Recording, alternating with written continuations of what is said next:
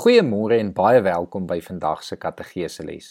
Jy het al seker deur die dorp gery en gesien daar is sommer baie kerke in ons dorp. Jy het seker ook al gewonder, waar kom hulle almal vandaan en hoekom is daar so baie verskillende kerke?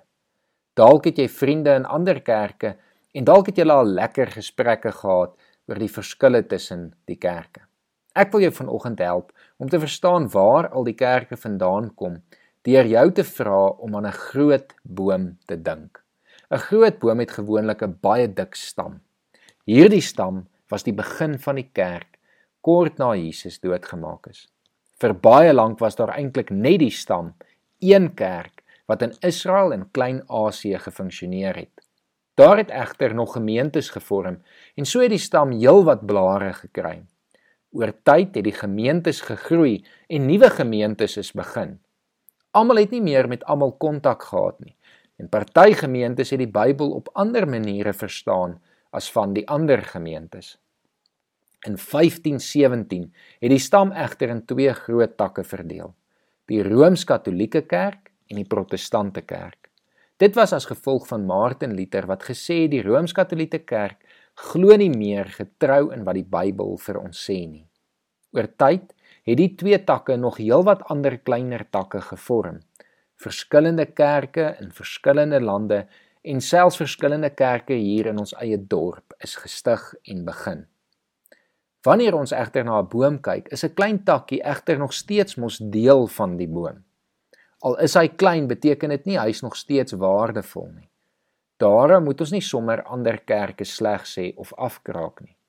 Ons glo dat indien 'n kerk Jesus as verlosser bely wat ons deur genade en geloof gered het en hulle glo in die Bybel, dan is hulle deel van dieselfde boom. Ja, daar mag verskille wees soos die tipe musiek of ons die doop verstaan of die manier hoe die eredienste gehou word. Maar solank Jesus en die Bybel die kern van die kerk is, is ons bly en dankbaar daaroor. Dan loop die Heilige Gees soos water deur 'n boom loop deur al die kerke en is hierdie boom geplant om in hierdie wêreld vrug te dra. Ek wil jou dis uitnooi om vanoggend hierdie beeld van die kerk in jou kop in te prent en dat dit jou sal help om te verstaan al is daar verskillende kerke is ons nog steeds deel van die een groot kerk van God Die Bybel gebruik nog 'n beeld en dit is die liggaam van Christus wat as kerk voorgestel word. sien want daar is 'n baie belangrike eenheid wat die Bybel van ons van die kerk leer. Ons bely dit ook in ons apostoliese belydenis wanneer ons sê ek glo in 'n heilige algemene Christelike kerk. Ons moet onthou dat ons dus almal deel is van God se kerk en ons moet saamwerk om hom te dien. Ons as boom moet vrug dra daar waar ons geplant is. Ek wil jou uitnooi om vanoggend 1 Korintiërs 12 wat handel oor die liggaam van Christus saam te lees en dan ook lekker deel te neem aan die besprekingsvrae op jou WhatsApp groep.